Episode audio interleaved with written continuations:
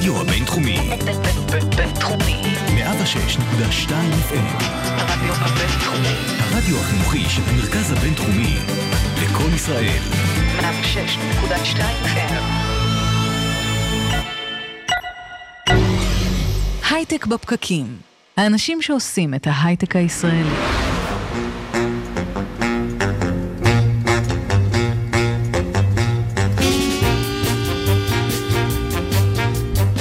בוקר טוב, יום חמישי, 16 באוגוסט 2018, בהרצליה עכשיו 27 מעלות. אנחנו הייטק בפקקים.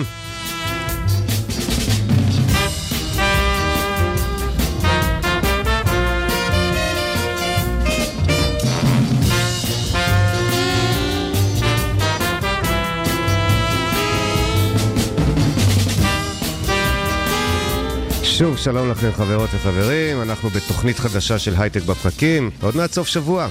לי קוראים יזהר שי, ביחד איתי באולפן שלנו הבוקר נתן לייבזון, מנהל אצטדיון הסטארט-אפ, בוקר טוב נתן. בוקר טוב, יזהר. אורטל הבר, בוקר טוב גם לך. בוקר מצוין. שמחים להיות כאן איתכם מעל גלי הרדיו הבינתחומי, במקביל אנחנו ב Facebook Live, על הדף של כלכליסט וגם באיצטדיון הסטארט-אפ. חפשו אותנו עד מאוחר יותר באפליקציות הפודקאסטים, במילת החיפוש בפקקים. עוד תוכנית חדשה של הייטק בפקקים יוצאת לדרך, אתם מוזמנים לשלוח לנו שאלות, תגובות והערות בפייסבוק עכשיו. תוך כדי שידור אנחנו גם אה, ננסה להתייחס לדברים המעניינים שתכתבו לנו שם. תכתבו לנו בוקר טוב, למה לא? מי איתנו שם, כאן, היום, באולפן? עורך דין איתי לשם מיד יספר לנו מי זה אדם גולד. אריאלה ואלי סווייד מ-TLV ג'נרטור יספרו על הגנרטור וגם על החיים בניסויים. בהייטק. דנה קליס רגב, היא מייסדת של Teach and Tech, תדבר איתנו כאן על תחום ההוראה והאד טק ומה שביניהם. אלה מוסרי, מנהל התפעול של PeopleBiz, ידבר איתנו בסטארט-אפ בפקקים, חדשות השבוע יגיעו לכאן והן מרתקות כמו תמיד, ונקנע כרגיל בפרשת השבוע, ורמי ויינגוט תהיה כאן עם פרשת שופטים. הולך להיות כאן מעניין היום, ואני, אה, בלי פניות נוספות, שמח לפתוח את התוכנית הזו עם עורך דין איתי לשם, האיש שמחפש עבור כולנו כבר די הרבה זמן את אדם גולד, איש המסתורין. בוקר טוב איתי, מה שלומך? אהלן, בוקר טוב, תודה רבה. אה, שמחים שאתה איתנו ישר ולעניין. מה זה אדם גולד? תן לנו איזושהי סקירה עובדתית על מי ומה הוא. אה, אדם גולד היה פרופיל אה, פיקטיבי בפייסבוק, שנוצר ב-21 בנובמבר 2016, ומהיום הראשון להקמה שלו, עד שהוא אה, נסגר לפני שלושה שבועות, היה הפרופיל הפיקטיבי, הפרופיל בעצם הכי פופולרי ועם החשיפה הכי גבוהה בפייסבוק ישראל. כלומר, הוא עלה לאוויר בנובמבר 2016, ותן לנו תחושה מה זה אומר פרופיל פופולרי. הוא עלה לאוויר ב-21 בנובמבר 2016, העלה אחרי שעתיים פוסט ראשון, וכמעט מיד קיבל כ-400 שיתופים לפוסט הזה, שהגיעו למאות אלפי אנשים בישראל, בעיקר הם הימין במפה הפוליטית, היה לו חשיפה מאוד מתורגטת. איזה כיף, וואו, 400 שרים על ההתחלה, 400 שיתופים. ומה קרה לאחר מכן? הוא עלה ונחסם ועלה ונחסם, תן לנו איזושהי סקירה. אז אני, אני שמעתי עליו, בגלל שהייתה לו חשיפה מאוד מתורגטת, הרבה לא הכירו אותו, הכירו אותו אותם מאות אלפי אנשים שהוא פנה אליהם, אנשי ימין פעילים מאוד בפייסבוק. שמעתי עליו לראשונה יותר משנה אחרי שהוא כבר היה באוויר ומאוד פופולרי, כשחבר הכנסת אמיר אוחנה העלה פוסט שבו הוא כותב, אני שמח להודיע לכם, פניתי לפייסבוק והם הסירו את החסימה שהם שמו על אדם גולד 24 שעות קודם. כי פייסבוק מן הסתם חסמו אותו לפי המדיניות של פייסבוק, אסור לך להיות מזויף, אתה חייב להיות האדם האמיתי. נכון, אז, הם... אז הוא כנראה קיבל הרבה מאוד אתה יודע, דיווחים בפייסבוק. זה היה על... פרופיל כפרופיל או דף עסקי? לא, לא, כי... זה היה פרופיל. כי פרופיל. תרגות כפרופיל אין לך שליטה עליו. אלא אם אם אתה משתמש באמצעים אסורים. אז פייסבוק חסמו אותו מטעמם שלהם. חבר הכנסת אמיר אוחנה, יש לציין ממפלגת הליכוד. הסיר את החסימה, התגאה, ואז עורר את תשומת לבך. כן, אז הסתכלתי על זה, והסתכלתי על הפרופיל, התרשמתי מאוד מהתכנים, באמת תכנים מושקעים, וכולם מאוד, בוט... הרבה מאוד בתים נגד הימין, או השמאל, נגד אנשי פוליטיקאים בכלל. הוא תקף את כולם, אגב, חוץ מנתניהו. ובסופו של דבר, אחרי חודשיים הרגשתי מספיק, מספיק ביסוס מבחינת נתונים של ה engagement כדי לפנות פומבית למנכ"לית פייסבוק ישראל ובפוסט ולרשום לה, שימי לב מה, על מה מדובר, לא יודע למה פתחתם את החשבון הזה, אבל זה שהוא פיקטיבי זה ברור, אתם חוסמים מיליארד כאלה בשנה, מדוע את זה החלטתם להחזיר? וחוץ מזה, יותר חשוב, יש שם אנומליות קיצוניות מבחינת ה data של ה engagement. מדובר על מניפולציה, תסירו אותו. אז בוא נדבר על זה רגע. אני בן אדם, נניח שאני עובד, אנחנו אנשי הייטק, אז בוא נגיד שאני עובד באינטל או בצ'ק פוינט, ויש לי דעות פוליטיות, ומסיבות כאלה ואחרות אני רוצה להסתיר אותן, אז אני פותח פרופיל ומתקשר לעולם את דעותיי. חופש הביטוי, חופש הדמוקרטיה, מה, מה הפריע לך בעובדה שיש שם פרופיל? אולי זה נגד כללי פייסבוק, אבל לא נגד החוק במדינת ישראל, אני שואל. זה נכון. אני, לי גם אין בעיה עם אה, אה, פרופילים פיקטיביים בפייסבוק, אפילו שזה מנוגד למדיניות שלהם. נראה לי שזכותו של אדם לממש את חופש הביטוי, גם בפרופיל אה, אה, אנונימי. העניין הוא שלא באמת היה מדובר בפרופיל אנונימי, כי האנומליות שראיתי, לא ניתן לעשות אותן אה, בלי השקעה עצומה של משאבים. ועם מטרה מאוד מוגדרת, אה, ובדרך כלל אה, אה, נסתרת וזרה. אתה מדבר שהיו פה חתירות מתחת לפני השטח באיזושהי מניפולציה שכל פה זכה למאות שיתופים בצורה עקבית, כן. ותמכו בדעה מאוד מסוימת ש... מה שקרה, המטרה שלהם הייתה להגיע לחשיפה מקסימלית אצל כל אנשי הימין בפייסבוק בישראל. הם עשו את זה על ידי כך שכבר ביום שאדם גולד הוקם, עוד לפני זה הייתה אה, מערכת רצינית, תשתית נרחבת של מאות חשבונות פיקטיביים אחרים, שכל חשבון כזה מכיל בערך 5,000 עד 5,000 אנשי קשר מהימין בלבד. והם חיכו להוראה אה, מהמפעילים. ברגע שאדם גולד העלה את הפוסט הראשון, הם בלחיצת כפתור שיתפו אותו עם כל אה, עם ישראל מהצד הימני במפה הפוליטית. Uh, התכנים עצמם, אפשר להתווכח איתם, אפשר להסכים איתם עם חלק, אני גם בעצמי הסכמתי, אבל הם לא היו העיקר. העיקר היה מבחינת, לפי הבנתי, למשוך אותו uh, במשך שנתיים, שנתיים וחצי, להגיע עד לבחירות. ופה אנחנו נכנסים, רק כדי להרגיש, לתיאוריה שלך. זה עדיין לא דבר שלך. אוקיי, זה תיאוריה שלי, אבל דרך אגב, אם אוקיי. תקראו את, את הכתבה שהייתה בידיעות אחרונות של שחר גינוסר וגיא ליברמן, שבוע שעבר, אתם תראו שהתיאוריה שלי, מסתבר שנעשתה בפועל כבר על ידי אנשים אחרים בארץ ברמה המוניציפלית. מה שאני חושב שהייתה המטרה, למשוך אותו עד הבחירות. למשוך את הפרופיל הזה. את הפרופיל הזה כן. חי באוויר עד הבחירות, כשהוא בעצם תופס נתח משמעותי בפיד של הרבה מאוד אנשי ימין ובצורה אסורה, כי זו מניפולציה. אה, הם יצרו לו תדמית מטורפת של אה, איש אה, אנונימי, רציני, אמין. השמועות היו, בטח שמועות שהמפעילים בעצמם הריצו, שזה או איזשהו מישהו בכיר בפרקליטות שהוא... אה, אה, לא אה, נכנס במערכת בצורה אנונימית, או איזשהו שופט, הוא כמובן תקף את, אה, את כל אלה שחקרו את נתניהו גם, ואת כל אנשי התקשורת ואת בתי המשפט. אז אחרי שיצרו לו כזאת רמה מטורפת של אמינות, המטרה לד... להבנתי הייתה, וזה כבר נעשה בפועל ברמה המוניציפלית בארץ, לפי התחקיר של ידיעות אחרונות, המטרה הייתה ב-24 שעות האחרונות לפני הבחירות, להשתמש בו על ידי כך שהוא יפיץ שקרים. לדוגמה, נודע לי עכשיו, חברים, שבנט אה, חתם עם יאיר לפיד על אה, הקמת הממשלה הבאה, אולי גם ליברמן ייכנס, הם הולכים לדפוק את הימין, כולם להצביע עכשיו לביבי. ב-24 שעות האחרונות אסור תעמולת בחירות, אסור גם לפוליטיקאים לדבר בדרך כלל. בדיוק מה שקרה בבחירות הקודמות של הערבים נוהרים אה, בהמוניהם לקלפיות. איתי, אתה חושב שעדיין, בסופו של דבר, עם כל הכבוד, זה פרופיל אחד.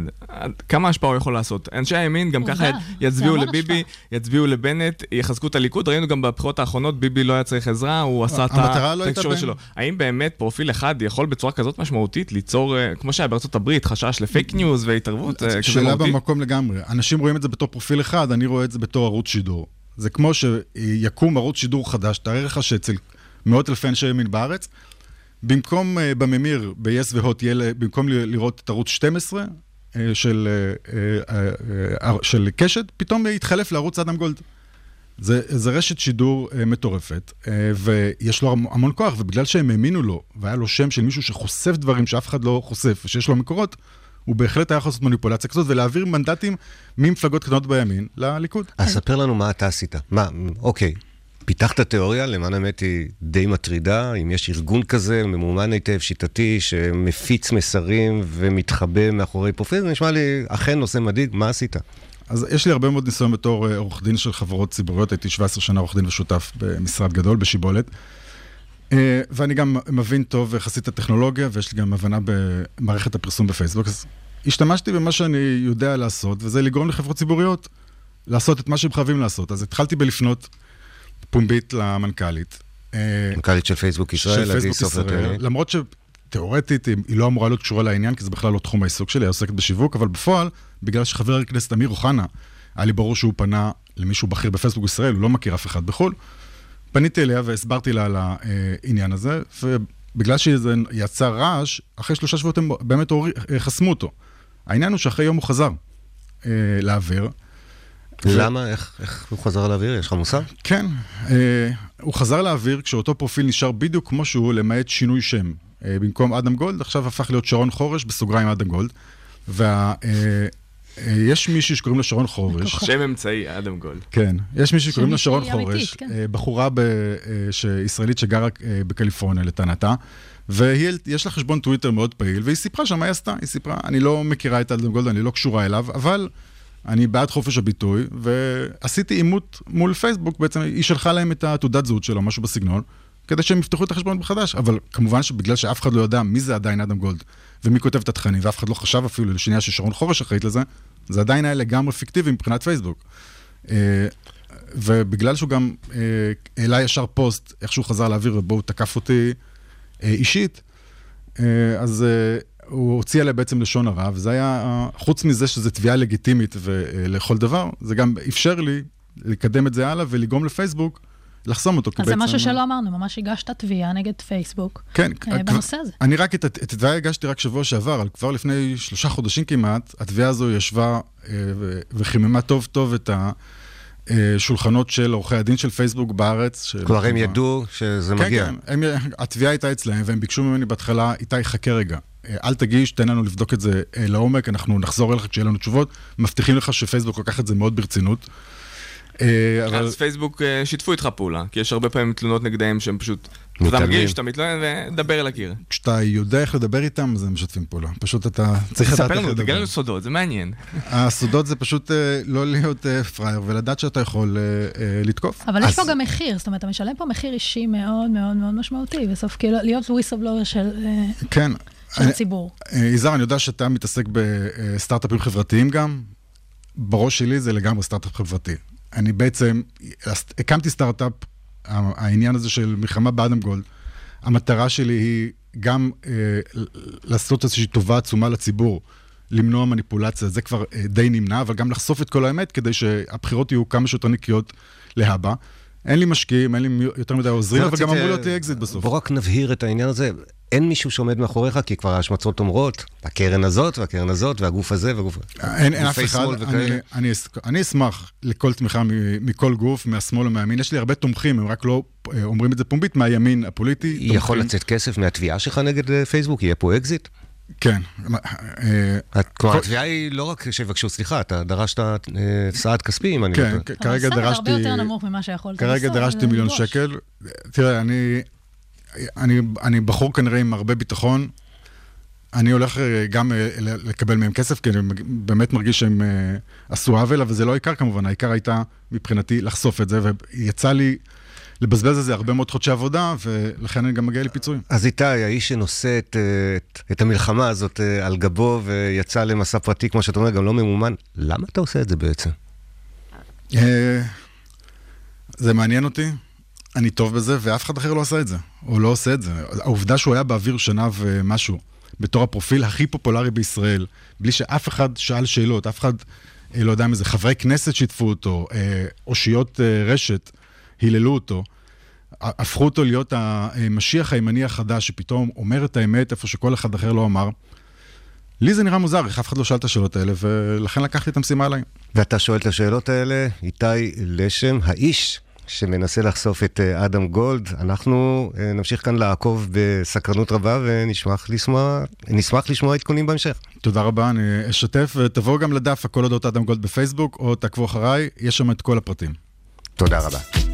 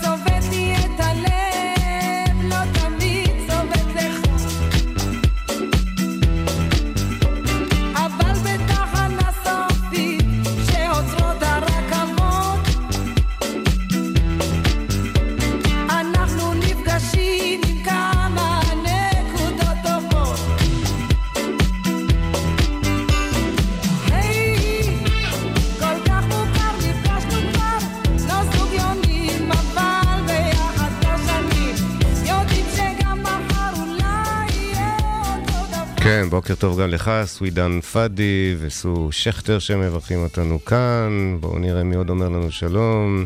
אשר טרנו, תארו לכם מצב שיקום עוד ערוץ, הוא עוד מגיב כאן לאייטם הקודם שלנו, ומתן גוטר, בוקר טוב, הייטק ברכבת, אהבתי, הייטק ברכבת, בוקר טוב לכם מאזינים, ובעוד אנחנו הנה, מתענגים על צליליה של מרגו, נכנסו אלינו לאולפן אריאלה ואלי סואד, בוקר טוב לכם. בוקר טוב. בוקר אור. TLV Generator, ונקדים ונאמר, אריאלי- אריאלה ואלי סואד, כי אתם נשואים, נכון? שני בני זוג. כן, כן. אז נגיע לעניין הזה, אבל אה, ספרו בבקשה על TLV Generator. אני צריך להגיד תל אביב ג'נרייטור או TLV Generator? אה, נקרא TLV Generator. מה שאלה- אתם עושים שאלה שם? אם אתה שואל את העירייה או אנשים אחרים. בדיוק. אוקיי, ספרו מה עושים בגנרטור. אה, מה שאנחנו עושים, בגלל זה אנחנו קוראים לעצמנו גם גנרטור, אנחנו לטעמנו השלב שלפני האקסלרטור. אנחנו לוקחים סטארט-אפ שעדיין לא בשל להאצה, ועושים בעצם את הדברים הראשונים ביותר. מכשירים את הצוות, מפתחים עבורו את המוצר. לא צריך CTO בצוות. למה? מפני שאנחנו עושים את זה אה. אתם נותנים את אה, שירותי אנחנו נותנים את ה-CTO. שירותי הפיתוח בעצמם, ממש. אז אני יכול להגיע אליכם עם רעיון מדהים, ואין לי עדיין טכנולוגיה שפיתחתי, ואתם תעזרו לי לצאת מהגנרטור עם מוצר, עם prototype ביד? בתוך שלושה חודשים ליותר מ prototype, MVP ברמת production שאפשר להביא מול אז משתמשים. תכף מישהו ירשום לנו כאן בפייסבוק, זה בלתי אפשרי. יש לכם דוגמאות? זה כבר קרה? בטח. אה, דוגמה ראשונה שהייתה לנו זה סטארט-אפ בשם Crazy SOB, שפיתחנו עבורו בשישה שבועות מוצר שהופך רש... מתכונים לרשימות קניות. ועוד שישה שבועות אחרי הפיתוח כבר היה להם אה, לקוח משלם ראשון. ולמה שאתם, למה שתבחרו בהם? זאת אומרת, מה, מה היה בסטארט-אפ הזה הראשון ש... זאת אומרת, בלי שום. דבר ו... ואתם משקיעים ישר? הם בדיוק, הם ספציפית באו מתעשיית המזון, והם פנו לתעשיית המזון, והיה להם רעיון מצוין. ומה שהיה חסר להם זה בדיוק את הידע בסטארט-אפ, שיש לנו את היכולת להכשיר אותם. מי שמנהל אצלנו את ההכשרה זה טל קטרן, שהוא מנהל כמה וכמה אקסלרטורים, ואת יכולת הפיתוח. וכך, ברגע שהיה להם את המוצר, הם ידעו לאן לקחת אותו, הם לקחו אותו לבלוגרים, הגיעו שם ל-31 אחוזי המרה, מה שמאוד הרשים את שוק שרונה, והם נהיו הלקוח הראשון שלנו. איך זה הולך עכשיו? יש לכם ביקוש יותר מההיצע, או להפך, אתם בוחרים את מי שמגיע, או שאתם מתחננים שיגיעו אליכם? מה, כי אתם סטארט-אפ הרי בעצמכם. אנחנו, אה, זה קצת מורכב, כי אנחנו, כמובן שאנחנו רוצים לעשות יותר סטארט-אפים, אבל אנחנו עדיין בוחרים, כי זה החברות פורטפוליו שלנו. אז אריאלה, את יושבת כאן בשקט ומאזינה, את מעורבת ב-TLV ג'נרייטור? אני אה, קיבלתי את הטייטל המנכ"לית. אז את המנהלת של אלי בעצם. לא היא בדרך צריכה. אבל את הטייטל כדי להיות המנכ"ל. לגמרי. עצם הישיבה הסמכותית פה באולפן מורה על, אוקיי, אז ספרי לנו, את המנכ"לית? אני המנכ"לית, והאמת היא שאנחנו עושים אה, משהו אה, מאוד כיפי ומרתק ומאתגר.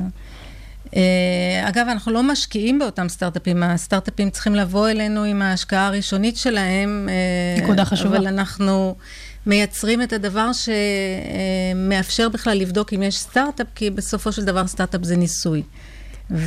אלפי ניסויים. והחוכמה היא לעשות את זה כמה שיותר מהר ובמינימום השקעה, וזה מה שאנחנו יודעים אה, לעשות.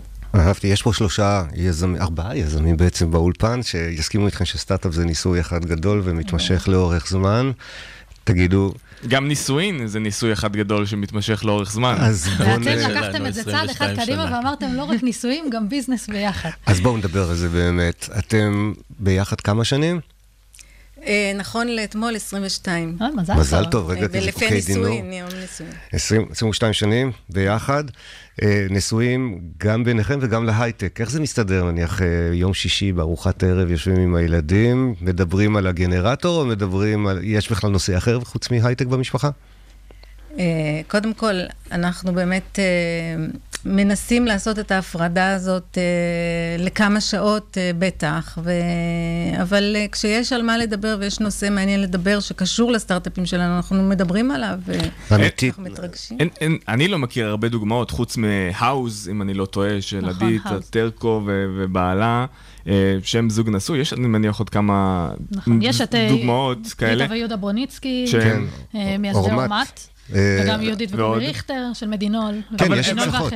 אבל, לרוב, אם ניקח עכשיו עשרה סטארט-אפים, אני מניח שאולי אחד מהם אה, יהיו זוג נשוי. איך בעצם. מתמודדים עם זה? כי סטארט-אפ, רוב הסיכויים שלו להיכשל, או עסק, אה, רוב הסיכויים שלו גם זה לא להצליח. בואו, גם עסק שכל חמש שנים פה בתל אביב מתחלפים, זה מתפורר. והרבה פעמים גם יש את הסכנה שעם ההתפוררות של העסק, תהיה גם ההתפוררות של החברות, של השותפות, של הזוגיות. איך לוקחים, שמים את זה על משקל המאזניים ואומרים, אנחנו, לא יודע, מספיק בוגרים, או מספיק בשלים, או, או שזה לא יפגע בנישואים, זה רק יחזק, ו- ומחשבים את זה, איך זה נכנס? זה, זה מאוד פשוט, אה, אם זוכרים אה, בעצם את העיקר והמטרה בחיים המשותפים, שזה קודם כל להיות ביחד ולהתמודד עם כל אתגר שיהיה ביחד, ו, והכל הכל בעצם זה מתחתנו, אנחנו מעל הכל.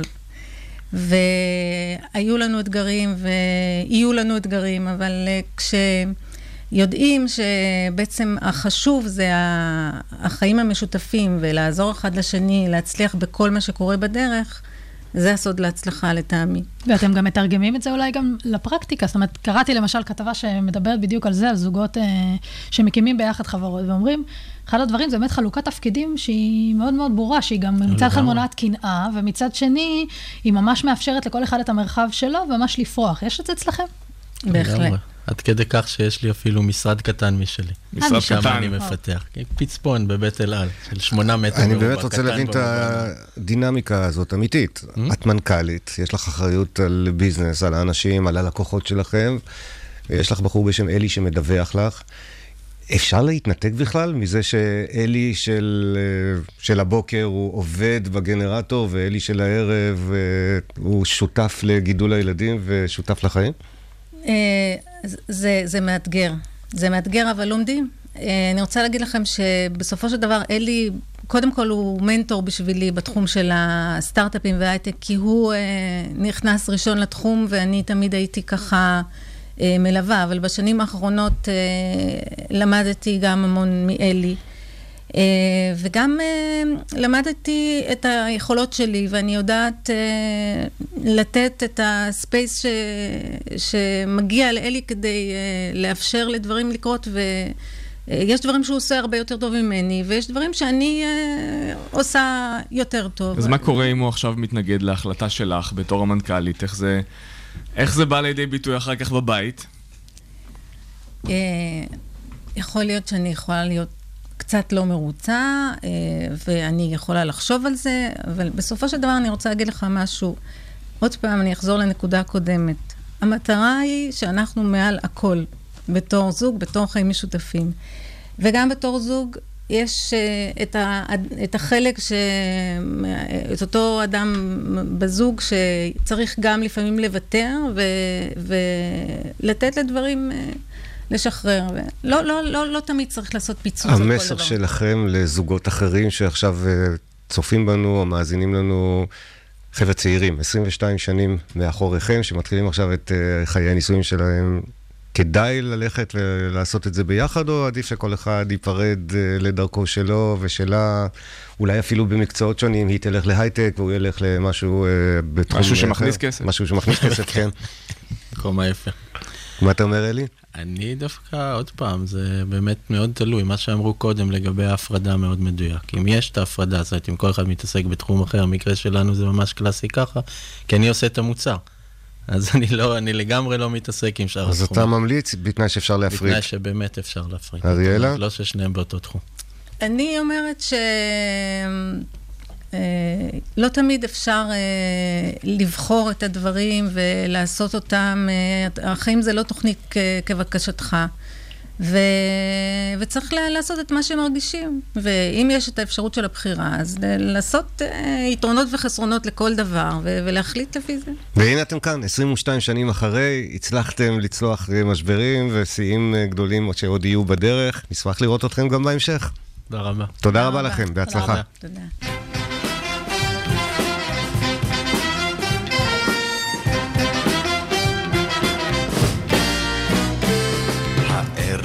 יצאנו לחפש את קופידון בין חורש ושדות, את זהו השדון. האווירה המתאימה הבטיחה אהבה, אך אלי גילנו הקטון בגד והוא לא בא. בוא נא קופידון, טול הקשת יללץ, בוא נא הנה מחמדנו, שלח אלינו איזה חץ.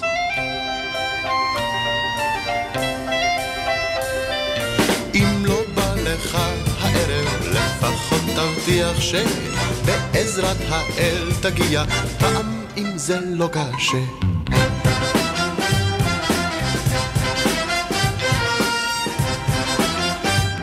חדשות השבוע. עם אורטל הבר. שלום. יש לנו אייטמים מאוד מעניינים השבוע, שהראשון דווקא קשור למצב הביטחוני. אה, לצערנו, אנחנו יודעים שממש לאחרונה סיימנו אה, סבב אפילו שניים של הסלמה בדרום. ו... והבאים בדרך. והבאים בדרך. והמרקם המיוחד של המדינה שלנו, גם כמובילת חדשנות מצד אחד, ובעלת מציאות ביטחונית אה, לא פשוטה מצד שני, יוצרת כל מיני סיטואציות מעניינות שלא בהכרח חשבנו עליהן. אחת מהן היא פנייה מצד תעשיות ההייטק הבינלאומית, שפועלת גם כאן בארץ, שמבקשת להעניק להן מעמד של מפעלים חיוניים בשעת חירום. אה, כל מיני חברות שאנחנו מכירים, כמו HP, כמו פיליפס, כמו KLA, שמתריעות שאם המדינה לא תתמוך בהן, כלומר להמשיך את הפעילות שלהם גם בזמן אה, פיגוע טרור או מלחמה או משהו כזה, זה עלול לעלות בפתיחה, בהמשך הפעילות שלהם כאן בארץ. מה זאת אומרת, לאיזו תמיכה הם מצפים? הקלות במיסים? אז יש כל מיני תוכניות uh, שהמדינה, יש uh, רשות שממש מטפלת בדבר הזה, קוראים לה רשות החירום הלאומית, והיא מתמקדת uh, בעצם לת, לתאם בין כל הגורמים, באמת במקרים של אסונות או, או מצב ביטחוני רעוע, לשמר פעילות חיונית. הדבר הזה דורש ממש תוכנית של איך, איך ממשיכים הלאה, וזה בעיקר מתמקד בדברים כמו חשמל, כמו מזון, דברים שממש הישרדותיים. והנה כאן הם אומרים, לא, אנחנו, בדיוק כמו חברת החשמל לצורך העניין, שצריכה להמשיך להזרים חשמל גם במצב כזה, אנחנו רוצים תוכנית ותמיכה מהמדינה כדי uh, להמשיך בפעילות שלנו.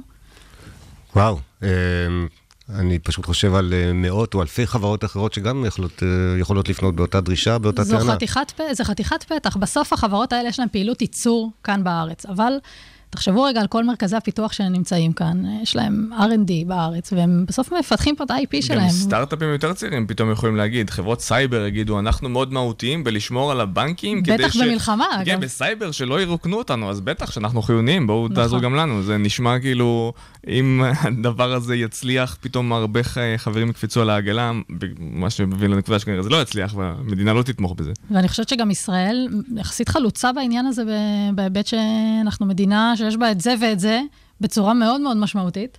אה, ופתאום רגע להכניס בכלל הייטק, את התעשייה הזאת, לתוך השיקולים, אה, לתוך השיקולים. יש את הספר המפורסם של דוב פרומן, המנכ"ל הראשון של אינטל, שהוא מדבר על... אינטל ישראל. אינטל ישראל, mm-hmm. נכון, דיוק. שהוא מדבר על כל התקופה הראשונה שאינטל נכנסה לארץ, ואז uh, הייתה את uh, מלחמת יום הכיפורים, אם אני לא טועה, בשנות ה-70, והוא מדבר שאין מה לעשות, אתה, אתה יודע את הסכנות. ואתה הולך למשרד כשאתה יכול, ואתה מרים את המורל של העובדים. הוא לא כתב שם בספר שהם פנו למדינה, בואו תצילו אותנו, תעזרו לנו. אז הנה. אה, נראה לי גם החברות אה, כיום יכולות קצת אה, לשנס מאזניים ולראות איך הן מוצאות פתרונות אחרים לאתגרים שלהם, ולא ישר... לא התקבלה תשובה, נכון? הידיעה. לא, לא, לא, זה היה משהו ממש אוקיי. שבוע. פנוח, אבל אוקיי. פנוח, אין עדיין תשובה. טוב. הדבר הבא ששווה לדבר עליו, נכון שאחת ההרצאות הראשונות שיזמים מתחילים עוברים, אה, זה, צאו מהסרט ותפסיקו להחתים, לנסות להחתים על הסכמי סודיות, על NDAs. אה, ואף אחד לא יגנוב לכם את הרעיון, ואם גנבו, זה אומר שאין לכם יתרון יחסי. אז הנה, הפתעה, יש קרן שקמה, שפשוט אה, אומרת, אחוז משמעותי מהסטארט-אפים שנסגרים, נסגרים דווקא כי בוזזים להם את הרעיון, ענקיות טכנולוגיה. קרן הון סיכון? כן, זו קרן, שת, זו קרן שהיא שילוב של אה, בעצם קרן השקעות, בנטהאם, ופירמת עורכי דין בינלאומי, קוראים לה קוברקים, והם הקימו קרן בשווי של 30 מיליון דולר, שנועדה לסייע במימון משפטי לחברות הזנק, שמעוניינות לתבוע חברות ענק וחוששות בעצם מה, מהמחיר. אז רגע, אם, מדובר גם על חברות ישראליות, הם יעזרו לחברות ישראליות? בעיקר, זה, זה פה בארץ. אוקיי, אז אם אני חברה ואני חושב שאפל גנבו לי רעיון, אז הם יעזרו לי לתבוע את אפל? נכון, המטרה היא בעצם להתמודד עם חברות ענקיות, בעיקר בארצות הברית אגב, כי יש עלויות שהן... אה, זאת אומרת, עלויות שיכולות להגיע לעד 30% מהתביעה, שגם אם, אתה, שגם אם יש עורכי דין שמסכימים לתבוע ו, ולקחת את אחוזים מההצלחה, אתה עדיין צריך לשאת בעלויות מאוד מאוד גבוהות. רק בתביעה אחת הם מרוקנים את כל הקרן שהם גייסו, של ה-30 מיליון, שנמשכת שבע שנים. אז כנראה, ש, כנראה שהם יודעים מה הם עושים ולא, ולא בכדי, ואחד הדברים מיוחדים אגב בקרן הזאת, זה שזו קרן שעוסקת אה, אך ורק בליטיגציה, גם אותו משרד עורכי דין, אך ורק בליטיגציה. מה שזה אומר, זה שאין להם פה ניגוד אינטרסים. זאת אומרת, הרבה מאוד פירמות עורכי דין היום פוחדות מה, מהדבר הזה, להיכנס ראש בראש עם ענקיות טכנולוגיה, כי הן לקוחות שלהם בכל מיני מישורים אחרים, ואז אומרות, רגע, אנחנו לא רוצים להרגיז אותם. אה, ואז באמת, הסטארט-אפים פה נופלים בין הכיסאות, אבל צריך לזכור שבסוף כשיש הרבה מאוד עסקאות בין אה, סטארט-אפים לבין גופי ענק, והעסקאות האלה נופלות, לפעמים, עדיין אנחנו רואים אה, פתאום איזושהי מחלקה שקמה לה וצצה לה. האמת, החידוש שהם מביאים פה, זה הם בעצם, יכול להיות שהם יוצרים את הבעיה, כי הסיפורים האלה לגניבת רעיונות, הם נדירים, לפחות uh, מה שאני מכיר, uh, לא יודע, יכול להיות שאתה מכיר אחרת, יזהר, שמעת על יותר מקרים כאלה, זה הם סטייל... הם טוענים שזה לא כל כך נדיר, סטייל הסרט פי, פייסבוק לא קורה שני וחמישי, וגם לא מאי וספטמבר. אני חושב שהחששות קורים, אני מביע אבל ספק לגבי ה... היתרונות, או בכלל הטעם בלתבוע חברות אה, גדולות. זה נושא רחב ומשמעותי. אבל יצא לי לראות סיטואציות בתור משקיע, בתור חבר דירקטוריון, ולמען האמת גם בחברה שאני ניהלתי, שבהן היה לנו ידע ודאי שה... שנגבו מאיתנו אה, חלקי פטנט, או אה, חלקים מרכיבים כאלה ואחרים של מה שנקרא IP, הידע, intellectual property של החברה, mm-hmm. ובכל המקרים האלה החברות החליטו שלא לתבוע. כי זה הרבה כסף, זה הרבה זמן. זה הרבה אורך נשימה. וזה שאתה. הרבה מאוד uh, הסחת דעת שהיא לא רצויה, ולכן אני, אני אפילו מביע פה קצת חשש שההימצאות של קרן כזאת פה עלולה לעודד חברות לעשות את הדבר הלא נכון במובן העסקי. אבל אולי דווקא הבעיה לא כל כך מוכרת, בגלל שאין מי שמטפל בה. זאת אומרת, אנשים בוחרים מלכתחילה, מבינים שהם כנראה הפסידו במלחמה הזאת, בוחרים לא לעשות את זה, אז יכול להיות שדווקא הדבר הזה פתאום... קודם כל הם עדיין יפסידו, דרך אגב. יכול להיות. הפסדו לא אם ניצחת לו בבית המשפט, אלא כמה זמן זה לקח, כמה ברור. כסף, מה המנכ"ל התעסק בו, במקום ללכת ולהחתים לקוחות, המנכ"ל נותן עדויות ועומד על כס אה, בית המשפט. אבל גם פשרות, למשל. כן. אה, מאוד תלויות במשאבים שיש לך. אני מסכים. אז אה, אוקיי, אז אה, אוקיי. את מלמדת עליהם זכות וזה בסדר? לא, אני לא... אני חושב ש... את יודעת מה? היא מושקעת שם. כן.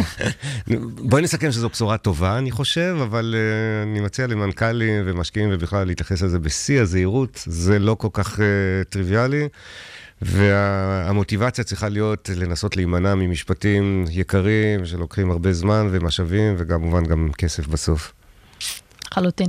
דבר אחרון שאנחנו יכולים אה, ככה לומר בכמה שניות שנשארו לנו, זה איזושהי ידיעה, סופטבנק שמשקיע עוד מיליארד דולר ב-WeWork. עכשיו, זה כשלעצמו פחות מעניין, כבר השקיעו חמישה מיליארד לפני כן, אבל WeWork לאחרונה, ממש השנה חשפו את הדוחות הכספיים שלהם, או את הנתונים הכספיים שלהם בצורה זו או אחרת. אנחנו רואים חברה שמעולם, מעולם לא, לא, לא חשפה רווחים. ונשאלת פה שאלה, אה, מה מקומן של אותן חברות שכביכול אה, ממוקדות בצמיחה ובעיקר סביב ההייפ שנוצר מה, החבר... מה המקום של אותן חברות בתעשייה הזאת? מה באמת משקיעים מחפשים אם הם לא רואים שום ערך לכסף שלהם לאורך שנים רבות? קחו את טוויטר, שיש לה מקום אה, את מי? של כבוד. טוויטר. אה, טוויטר, שמעתי טוויטר. לא, לא, טוויטר, שמעולם, מעולם, מעולם לא, לא הציגה שום ערכים. כן, יש הרבה חברות, אבל טוויטר לפחות ייצרה כבר אה, תשואות כי היא חברה בורסאית, והיו נכון. משקיעים שמכרו את המניות. WeWork בסימן שלה, נאחל להם הצלחה, ואכן העלית פה נושא גדול, שלא נכסה אותו הבוקר. נכון. אורטל הבר, תודה רבה. תודה.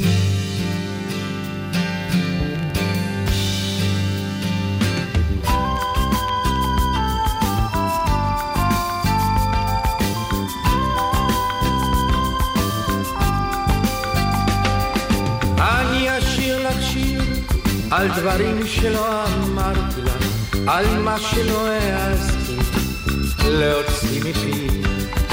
אני אשאיר לך שיר על מה שלא סיפרתי לך, עם מנגינה פרטית, שיר רק לך ולי.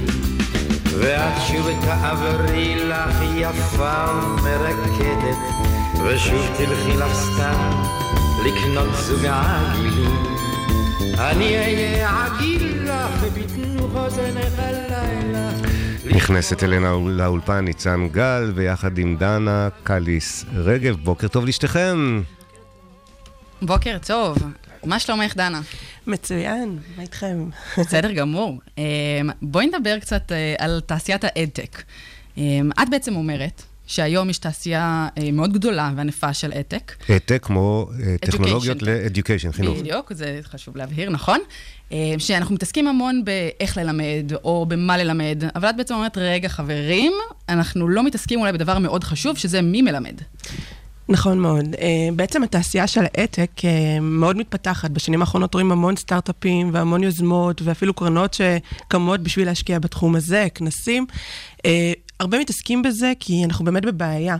אה, אנחנו נמצאים באיזושהי נקודה, לא רק אנחנו פה בישראל, בכל העולם, אה, שהטכנולוגיה והעולם מתפתח בקצב מסחרר, ובעצם החינוך, שהוא מערכת מאוד מאוד מורכבת ואיטית, נמצא קצת, לא קצת, הרבה מאחור. שמעתי לא מזמן... אה, שבנט אמר באחד הכנסים, שהוא ארגן פה, הביא לארץ המון שרי חינוך מכל העולם, שהיום אנחנו בעצם מכינים את הנוער שלנו, אפילו לא ל-2018, בערך לשנות ה-60. זאת אומרת, הפער הוא מאוד מאוד גדול, אה, והרבה מנסים להתמודד איתו, אה, כדי בעצם להביא לאותו, לנוער שלנו את הכלים להתמודד עם מה שמחכה להם. ואת באה מהזווית של המורים. נכון, אז בעצם מה שאני אומרת, אה, מתוך הניסיון האישי שלי, אני בעברי הייטקיסטית והיום בשנים האחרונות מתעסקת בהוראה ויזמות בתחום החינוך, אני בעצם אומרת שהגורם שהוא יכול להשפיע הכי הרבה על הנוער ולתת לו את אותם כלים שכולם מדברים עליהם, קוראים לזה מיומנויות המאה ה-21, אה, אותו גורם הוא בעצם המורה. ואם האנשים הנכונים יגיעו לחינוך, אה, אז בעצם הם יוכלו להעביר הלאה את אותם כלים ויכולות. ו... מה- למה הם האנשים הנכונים? Uh, תראה, העולמות האלה מאוד שונים, החינוך וההייטק. Uh, בתור מישהי שעבדה בתעשייה, גם בסטארט-אפים וגם בחברות גדולות, הקצב הוא אחר. היכולות של ההייטקיסטים של עבודת צוות וחשיבה יצירתית ולמידה עצמית, uh, הם בעצם, זה בעצם היכולות שכולם מדברים עליהן, שאנחנו רוצים שיהיה לנוער שלנו. ובעצם מי שעוסק בזה ביום-יום ויש לו את זה, הוא, אני מאמינה, מי שיכול להעביר את זה הלאה לילדים. זה לא אה, אמרה שיכולה ככה עכשיו אה, לגרום למורים שמאזינים לנו להגיד, מה זו היהירות הזאת? אתם עובדי. הייטק שיורדים אלינו מהאולימפוס להציל אותנו, כי אנחנו לא יודעים איך ללמד? ממש לא. אני חושבת שהמטרה של מורה הוא בעצם לעורר השראה. אה, ואני חושבת ש... שוב, אם אנחנו מדברים על מורים מקצועיים שמביאים איזשהו ידע וכישורים אה, מקצועיים לילדים, אז מישהו שהוא נמצא בתעשייה מסוימת, אגב, זה יכול להיות בכל תעשייה. אנחנו מדברים כרגע על, אה, על החינוך הטכנולוגי, כי יש מחסור מאוד מאוד גדול. אה, וזאת בעצם הסיבה ל- ליוזמה. של להביא את האנשים האלה, כי פשוט חסרים מורים. זה לא שאין מורים טובים, פשוט חסרים הרבה מורים. אה, וזה משהו שגורם אה, פשוט ל... תחשבו על זה, שאם אין מורים שמלמדים, אז אין מגמות שנפתחות, ויש מקומות, במיוחד בפריפריה, אזורים שלמים, שתלמידים לא נחשפים בכלל לידע מסוים, אה, והפערים בעצם רק גדלים. אז דנה, מה אתם עושים, מה אתם עושים עם זה? מה זה טק? Tech and teach, נכון. זה קודם כל הטק, ואחר כך הטיץ', כי בעצם אה, אנחנו אומרים שאותם אנשים ש, שנמצאים, שיש להם את הידע הזה ואת הכישורים, לרוב, ואת הרצון, לרוב לא ילכו ללמד, כי יש להם יכולת השתכרות מאוד גבוהה בהייטק, אם אנחנו מדברים על בוגרי מדעי המחשב לדוגמה. אה, אבל עדיין יש הרבה מאוד אנשים שנמצאים בתעשייה ויש להם את הפשן הזה לחינוך, ותמיד רצו אה, ללמד. אנחנו מאפשרים להם לעשות את זה, אנחנו מנגישים את ההוראה להייטקיסטים. אה, בעצם התוכנית שלנו אומרת שמורה מקצועי יכול להיות אה, איש הייטק, שכמובן יעבור הכשרה שהיא מוכרת על ידי משרד החינוך ויקבל את הכלים, כי לא כל אחד יכול לבוא אה, וללמד. אה, הוראה זה, זו פרופסיה, אה, בתור מישהי שיש לה תואר שני בזה, בחינוך, אה, אני יכולה להגיד שזה לא באמת כל אחד, אבל באמת עם האנשים המתאימים, שיש להם את היכולת הזאת ואת היכולת להשפיע ולעורר השראה אה, וללמד, יגיעו למקומות האלה של החינוך, אז הם באמת יוכלו לעשות איזשהו שינוי. אה, ואנחנו בעצם יצרנו תוכנית שמאפשרת להם לעשות את זה תוך כדי העבודה שלהם בהייטק. זאת אומרת, זה לא הסבה מקצועית, זה לא לא, שעכשיו אתה מתעסק לא. במקצוע יש הרבה מאוד תוכניות היום ומעודדים אה, לעבור בעצם אה, מההייטק להוראה. אני עשיתי תוכנית כזאת לפני משהו כמו שש שנים. ומה החידוש שאתם מביאים? החידוש הוא שאנחנו מאמינים שאפשר לעשות את זה במקביל. זאת אומרת, אה, זה לא אומר שהם ילמדו עכשיו אה, משרה מלאה, אבל כמה שעות בשבוע אה, זה משהו שאפשר לעשות, ואני חושבת שכולם מרוויחים ממנו. גם ההייטקיסטים שככה מחפשים איזה משהו שהוא בשביל הנפש, אה, אני מכירה בתור מישהי שהייתה בתעשייה, גם אם אנשים מאוד אוהבים את מה שהם עושים ומאוד מרוצים, הרבה פעמים מחפשים איזשהו משהו שהוא מעבר. אה, להתנדב איפשהו, אז זה בעצם הדרך לתת את המענה לאנשים שרוצים ללמד. וחברות בעד שהעובדים שלהם יצאו לדבר הזה? הם נגד? מה, מה הסיבה אוקיי, okay, שם? אז הרעיון ההתחלתי באמת היה אה, לפנות לחברות גדולות. אה, אני יכולה להגיד שהרעיון עלה כבר לפני כארבע שנים, אה, והייתה לנו חברה גדולה שהסכימה. אה, שהמנכ"ל שבראשה אפילו הסכים להשתתף בתוכנית. איזה יופי. אה, אז כן, יש לנו ככה את ה... בפיל שאנחנו נגיע לזה. זה לא כזה פשוט לשכנע חברה גדולה שתאפשר לעובדים שלה אה, לצאת להתנדבות שהיא מעבר למשהו מתמשך ולא כמה שעות לצבוע מקלט או משהו, כן, לא שאני מזלזלת, אבל זה איזשהו קשר שאני חושבת שהם מבינים שהוא מתמשך בין תעשייה לחינוך, יכול לייצר גם אחר כך הרבה השפעה בהמשך. תחשבו על זה, שאלה העובדים שלכם של מחר. רגע, אז כל המורים מתנדבים שהם בתוכנית? לא, הרעיון הוא שהם בעצם יהיו מורים מן המניין, בגלל זה הם גם עוברים הכשרה של תעודת הוראה. ונכנסים לעבוד בבתי ספר כעובדים מן המניין. והם מתחייבים משהו לאיזושהי תקופה? כי יכול להיות שהוא יעשה את זה שנה רק לבדוק, והשנה הבאה הוא כבר אה, לא שמה ואין את ההמשכיות, ואם הוא נגיד מורה למתמטיקה, שמלמד עכשיו איקס יחידות, אז זה יכול לפגוע. נכון, אז קודם כל, ברגע שמתחילים שנת לימודים, אז מורים יודעים שלא, לרוב לא עוזבים שנה באמצע. Uh, אתה אף פעם לא יכול להחזיק אנשים בכוח. אני מאמינה שאם מישהו עושה משהו שהוא אוהב, הוא יתמיד בזה. Uh, וגם אם זה ייקח ממנו את הזמן, אני חושבת שבאמת שיש פשן למשהו, ובחינוך יש המון המון uh, סיפוק ואהבה. הקשר עם התלמידים הוא פשוט מדהים, זה משהו שאנשים התמידו עם ראיתם גם כישלונות? אני חושב על בן אדם שהוא נניח ראש צוות מצליח בחברת הייטק, וכולם מהללים ומפארים את הביצועים שלו, והוא מגיע להיות מורה והוא נכשל באופן טוטאלי. נכון, האמת שהמעבר הזה בין העולמות הוא לא פשוט. במיוחד לאנשים ש... בתעשייה יש הרבה אנשים שהאגו מאוד ככה תופח עם השנים, בטח שיש הרבה שנים של ניסיון, אה, ונכנסים לעולם חדש לגמרי, אה, ומתחילים בעצם מאפס, ועקומת למידה של מורה, זה פשוט משהו שלא נמצא בשום תעשייה. זאת אומרת, from day one, אתה צריך להיות שם, התלמידים לא יודעים מה עשית קודם, אתה המורה שלהם, האחריות היא עליך. Uh, בגלל זה אנחנו שם בשביל ללוות אותם, uh, והתוכנית שלנו היא לא רק הכשרה, היא גם השמה ממוקדת של למצוא לאנשים את המספר שעות שמתאים להם בבית ספר שקרוב למקום העבודה, המגורים, כי אנחנו מאמינים שהקשר הזה לתרום גיב באק לקהילה שלך הוא משהו שהוא uh, אי אפשר uh, ככה לעשות. זאת הדרך, uh, ואנחנו גם מלווים אותם בשנה הראשונה. מתוך הניסיון שלנו, של המעבר בין העולמות האלה, אנחנו חושבים שרק ככה זה יכול להצליח. יש לכם מספרים כבר של נתוני הצלחה, שינוי, משהו שכבר קרה? אז שוב, אנחנו בעצם... כרגע אנחנו נמצאים ברישום לתוכנית, למחזור הראשון שלנו, אז מספרים שלנו עוד אין לנו. אנחנו יכולים להגיד שברגע שיצאנו לפרסום, ובאמת שלא פרסמנו הרבה, אנחנו עושים את זה ככה בהתנדבות, אז הפניות היו באמת בכמויות מאוד מאוד גדולות. אז יש התעניינות, יש צמא בשטח. אבל מה עדיין, מה חסר? כאילו, זה נשמע מדהים, למה לא כולם שם? שוב, זה המחזור הראשון שלנו, ואנחנו רוצים להגיע לכמה שיותר אנשים. זאת לא, המטרה שלנו. צריכים לתאר לי אדפטרס. מה כן. זה? מה החסמים אולי בראש של, של הייטקיסט? עכשיו, מה אולי עובר לי בראש ש, שחוסם אותי מלהגיע לזה, ואולי איך אפשר לדבר ולהסביר להם למה חוץ זה מהמשפט, אז אני הנוער חושבת- של ימינו. אני חושבת שהאמת. שבשנים האחרונות, מאז שעשיתי את ההסבה הזאת, אז המון המון אנשים פונים אליי. גם חברים וגם מכרים ככה יותר רחוקים, קראו לי כבר המחזירה בהוראה. זאת אומרת, יש כל שנה אנשים שלקראת הרישום ל- לתחילת צדיק, שנה, הנחת היום משהו על הלוח. אה, מתקשרים ושואלים, ופשוט יש כאלה שכבר נרשמו וביטלו. זאת אומרת, יש איזשהו חשש מאוד גדול, כי פשוט לא מכירים ולא יודעים איך זה עובד. ובעצם התוכנית שלנו, היא, היא עוזרת, היא מרפדת, כדי שזה יעבוד. דנה קליס רגב, אנחנו בטח בעד, תודה רבה. וכל הכבוד לך, מייסדת Tech and Teach, והרבה בהצלחה. תודה רבה.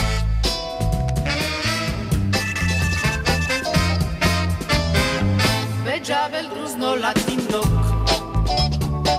אביו פרס והוא יושב אז בצינוק, על שם הרב בעול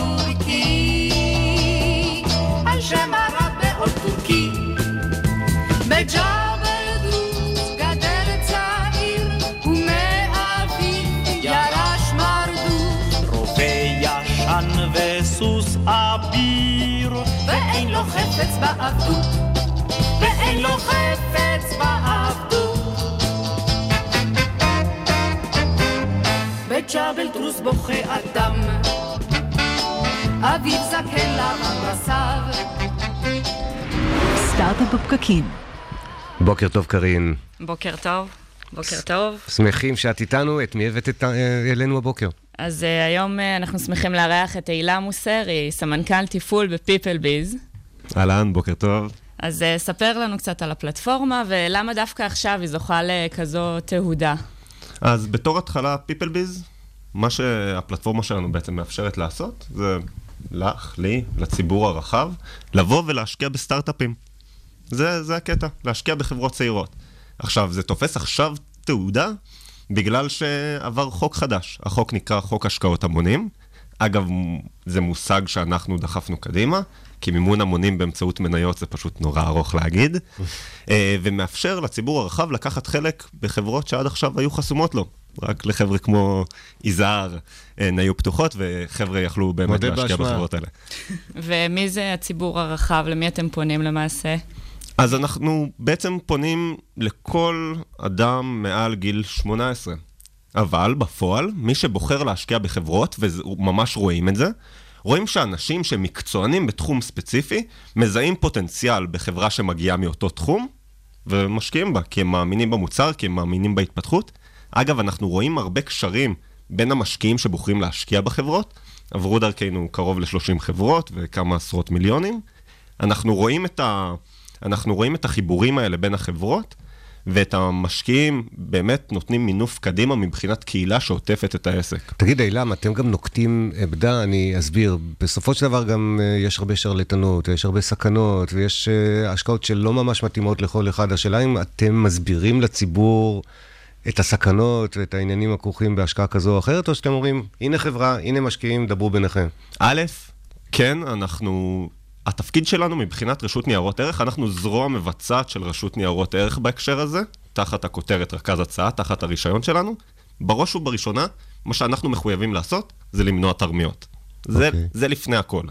עכשיו, מעבר לזה, יפה ונחמד למנוע תרמיות, אבל אנחנו רוצים גם עסקאות טובות. אנחנו בעצמנו מושקעים דרך חברת uh, החזקות שלנו בכל החברות שעוברות דרכנו. כלומר, אין חברה שתעבור בפלטפורמה של PeopleBiz שאתם לא משקיעים בה גם בעצמכם. אמת, זה חלק, מה, זה חלק מהמודל שלנו, כלומר skin in the game, להיות מושקעים ביחד עם המשקיעים, זה חלק מהעניין, אנחנו גם צריכים להרוויח מזה. אה, כל חברה עוברת גם ועדת השקעות, גם נוהל מניעת תרמיות, ומעבר לזה, בהקשר של השקעות בחברות בשלבים מוקדמים, וזה סופר קריטי להבהיר, זה אפס או אחד, או שהחברה מצליחה, או שהיא נכשלת והכסף שהשקעתם בחברה, זה השקעה מנייתית בחברה בשלבים מוקדמים, הולך לפח. זה יכול לקרות, זה קורה מתוך 25 חברות שעברו דרכנו עד עכשיו בשנתיים האחרונות. אה, כבר יש לי חברה אחת שנסגרה ועוד חברה שהיא בכיוון, שאם אתם, אתם מכירים את הסטטיסטיקה, זה המון המון המון, זה הרבה הרבה יותר גבוה ממה שקורה ב... ללא ספק. בשוק. ואילו חברות אה, רלוונטיות אה, לפלטפורמה שלכם? האם זה רק הייטק, או גם בר שכונתי יכול אה, להצטרף? אז בתור התחלה, והיה לנו מאוד נוח לבוא מהכיוון הזה, בתור התחלה סטארט-אפים הם מאוד נוחים, כי ה exchange הזה, ההחלפה בין מניות לכסף, היא מאוד ברורה בסטארט-אפים. אנחנו בתקופה הקרובה גם נפתחים לעסקים קטנים ובינוניים. זה חלק מהחזון של רשות ניירות ערך בעצם להזרים כסף לתחומים האלה. הנקודה, שכשאנחנו נוגעים בעסקים שיש להם מחזור במזומן, צריך לה, להשית על העסק הרבה יותר מגבלות והרבה יותר אה, פיקוח, כדי לראות שהכסף של המשקיעים באמת חוזר אליהם עם תשואה כמו שצריך, ולא מתבצעים שם כל מיני שירקס מאחורה. ואנחנו צריכים לוודא את זה ולוודא שהמנגנון הזה עובד כמו שצריך גם בעסקים קטנים, גם בברים שכונתיים, גם בבתי קפה. ועסקים בנויי קהילה זה, זה באמת השלב הבא של התחום הזה. מה הסכום ה- כן. מה הסכום הממוצע שמשקיעים אצלכם? אז המינימום להשקעה הוא 500 שקל, אבל מה שאנחנו רואים זה שהממוצע עומד על אזור ה-50 אלף שקל עד עכשיו. כלומר, אנשים משקיעים סכומים גדולים, משקיעים סכומים גבוהים, כי הם מבינים שבסופו של דבר, הם, הם, כשהם יוציאו מכפיל מהמם. כלשהו על הכסף, כמה שהם ישקיעו יותר, ככה... ויש איזה. סך הכל ממוצע פר חברה? אוקיי, 500 עד 50 אלף שקל, זה סך הכל אז שמגויס? עכשיו נגיד, יש לי, יש לי חברה שעוברת דרכי, שגייסה, חברה בתחום הקנאביס, המנכ"ל שם, אמ, היושב ראש של החברה היה מנכ"ל טבע לשעבר, הם בדרך להנפקה בבורסה הקנדית, והם עוצרים אצלנו בעצם בכלל כדי אמ, לאסוף סביבם קהילה של בעלי מניות, כדי להגביר את השכירות אחרי ההנפקה בקנדה. עכשיו שם עוד רגע יש לי 500 משקיעים שהשקיעו בחברה, ולא הגענו לגיוס כולל של אני מאמין שאת סוף היום אנחנו נגמור על אזור השלושה מיליון שקל, כאילו זה לא סכומים מטורפים, וזה מתפזר לא, על אבל זה 500 כבר משקיעים. סבב, זה סבב משמעותי. כמה זמן לוקח לגייס לחברה כזאת שלושה מיליון שקל על הפלטפורמה שלכם? חודש. אז אה, אני חושב מבחינת היזמים, זו אלטרנטיבה הרבה יותר טובה מאשר ללכת לקרנות, לבזבז חצי שנה על אה, מסע אינסופי ולקבל כן או לא בסופו של דבר. בצד של היזמים זה ה-value proposition שלנו. אנחנו עם אזור ה...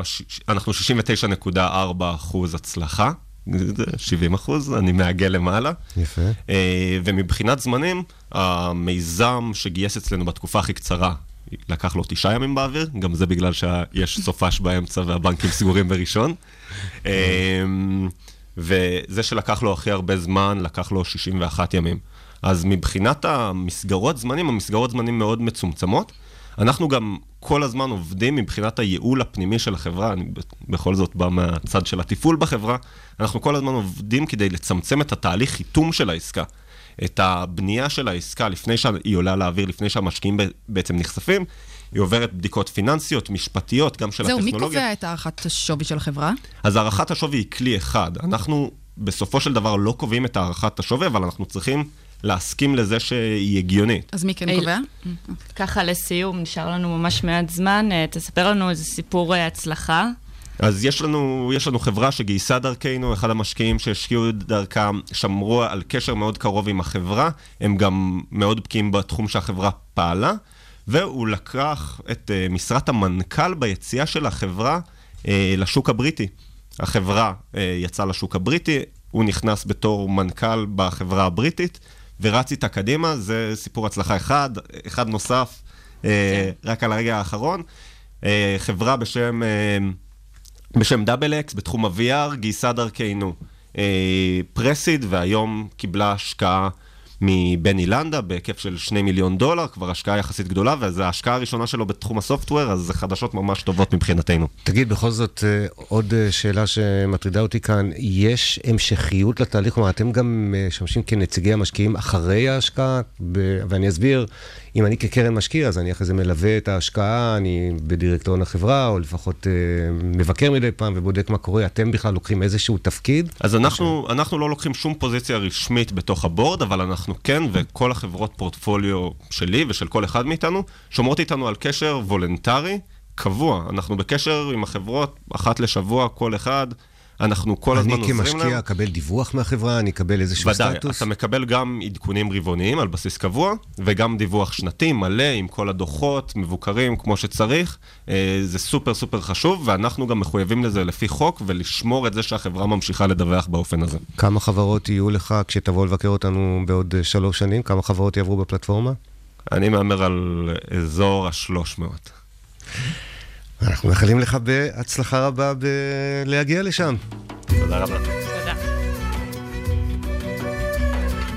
אילם אה, אוסרי או אוסרי? אוסרי, מנהל תפעול בפיפל ביז, תודה רבה שהגעת אלינו. בהצלחה.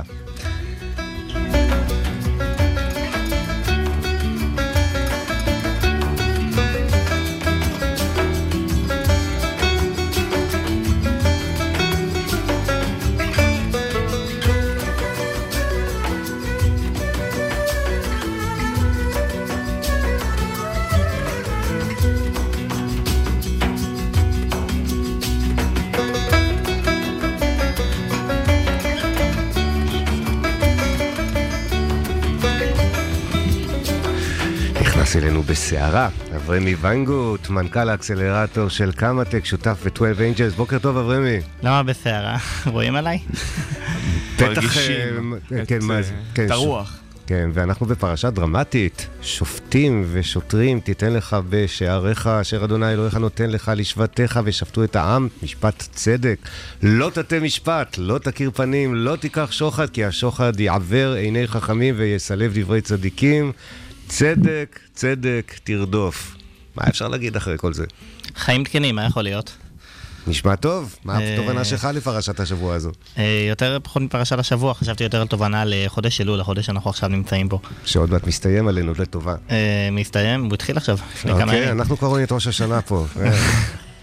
אז חודש אלול זה חודש התשובה, הרי למה אני פה? אני כדי להחזיר את כולכם בתשובה, נכון? קדימה, תנסה. בדקתי איך אני יכול להחזיר חילוני בתשובה, ואז גיליתי שאני גם יכול להחזיר את האלקסה את שלי האפיפיור. בתשובה, ואת ה... את ה Home של גוגל, איך קוראים לזה? שכחתי כבר. כן, יש להם כזה. ואז בדקתי איך, איך מחזירים אה, מחשב בתשובה. ואז גיליתי דברים שאני יכול גם ללמוד על עצמי. ספר לנו. אז הדבר הראשון בתשובה שכולנו מכירים במחשב זה control Z. כתבת משהו בוורד או באקסל, אתה, אתה לא רוצה אותו, אתה עושה control Z, חזר. עכשיו, מה שקורה שאתה משנה את המעשים שלך, אתה לא משנה את התוכן שלך. תוכנת וורד לא משתנה בעקבות זה שעשית control Z וגם לא תוכנת אקסל. יפה. אז דרגה מעל, כמה זמן יש לי? עוד דקה? דבר, דבר, אנחנו פה מרותקים. אנחנו אה, רוצים אוקיי. לדעת לאן זה מוביל. אז מעל control Z יש את אה, שחזור מערכת. וכתבת קוד, שזה משהו בשינוי ב- בעצם של המוצר עצמו, וראית שהוא לא טוב, אתה עושה אפילו במה שאנחנו מכירים ב- בווינדוס. עושים שחזור מערכת, אומרים לו תעשה את זה ללפני יום, ללפני שבוע, ואז כל מה ששיניתי, כל מה שהתקנתי, דברים דפוקים רעים, יאללה, לא רוצה אותם במחשב, הוא מחזיר אותך לנקודה שהיית לפני שבוע.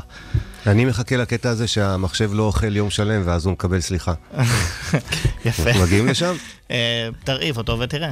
ניתוק מהחשמל. להרעיב אותו? מה, מהחשמל? לא, מנותק מהחשמל. למה? כן. למה לעשות את זה? כי. גם לנו, בתור בני אדם, יש פעם בשנה את הזכות הזו. ואז מה שיקרה, כל כך הרבה עדכונים תקבל מלמעלה, כן, צריך לעדכן כן. את זה ואת זה ואת זה ואת זה ואת זה ואת זה. אוקיי. אז. מעל זה מצאתי גם אה, איחוי דיסק, שזה לפעמים כבר צריך לעשות דברים יותר, מה שאנחנו קוראים ביהדות לב נשבר, לפעמים צריך ככה להכניע את עצמנו ולראות שאנחנו אה, צריכים לחשוב פחות אה, בביטחון עצמי, אבל בפחות גאווה, ולהגיד, וואו, יש עוד אנשים, ובואו נשמע איזה דברים אני צריך להוריד מעצמי, דברים לא טובים, כדי לשבור אותם ולדעת שהעולם אחר. אתמול דיברתי בטלפון, אמרתי את זה לבחור בשם מיכאל בקויה, הוא, הסק... הוא סמנכ"ל של סיבה העולמית, בחור דתי, בחור חרדי עם כיפה, לא יודע אם אתם יודעים, יושב פה בסיבה. אז אמר לי, אה, שכחת את הכי למעלה, אמרתי לו, הוא אומר לי, זה גיבוי ואיפוס. restart, לגמרי להתחיל מתחילה, להיות חדש לגמרי, זה זה הסיפור האמיתי. וזו אה, ההזדמנות שיש לנו לקראת יום כיפור, לעשות אה, restart? זהו, כל אחד שיקח מזה מה שבא לו, אחד יכול לעשות restart, אחד לעשות control נתן, איפה אתה? אתה ב control Z או בכזה מבחינת? המחשב שלי, או לא, כן, נתן הוא צדיק, נתן הוא צדיק, הוא לא צריך לעשות שום. דבר, אני אומר. באמת? זה- יואו, איזה כיף לשמוע. אתה אפילו control Z לא צריך. מקומי מובטח בכל העולמות. ניצן, control Z או אה, repair ו restore? אני מה אתם אומרים? איזה פרצופים פה כולם מסתכלים. כולם בוחנים אותך, אנחנו בוחנים לב וכליות עכשיו. יופי. אפשר גם לעשות insert, ואז אתה עושה דברים חדשים וזה מוחק את הדברים או, אני רוצה את ה insert. אהבנו לגמרי, והעיקר שנוכל לערוך את החיים שלנו כמו שצריך. תודה רבה לך, אברמי ויינגוט, עם פרשת השבוע של הבוקר, ואנחנו מתקרבים ככה לקראת סיום. יש לכם תובנה מסכמת אחרי דברי החוכמה וואו, האלה של כן, אברמי? האמת- האמת אברהם לקח את זה לכיוון אחר, ודיבר על פרשת שופטים וצדק צדק תרדוף, והתחלנו את הדיון עם, אה, איתי, שהוא עורך דין, והוא רודף... רודף צדק זה רודף לחלוטין, צדק, כן. והמשפט הזה, צדק צדק תרדוף, מופיע בכל פקולטה למשפטים, אבל לרוב אה, עורכי דין לא רודפים צדק, אז אה, שירדפו.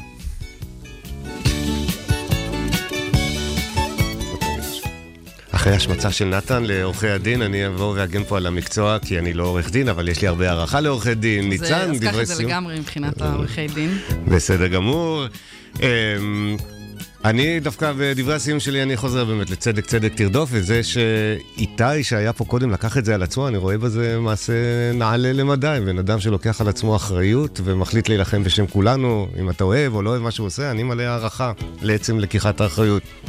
מילת סיום? לגמרי, לא, אני חושבת שגם, האמת שגם דנה מתעסקת בדבר הזה, שהיא מדברת על באמת לבוא ולהשפיע ולשנות ולהשתמש ב, ביכולות שלנו ובמה שאנחנו עושים כדי באמת אה, לייצר פה עולם טוב יותר. מהמם.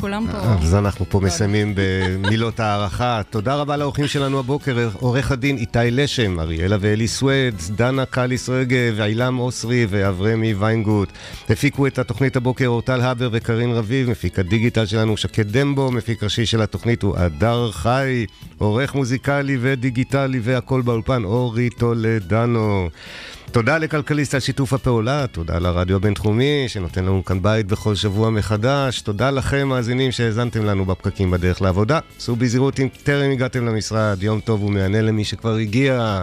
ביום חמישי הבא, אנחנו כאן שוב עם אורחים חדשים ואנשים שעושים כמוכם את ההייטק הישראלי. אנחנו הייטק בפקקים, נתראה בשידור הבא.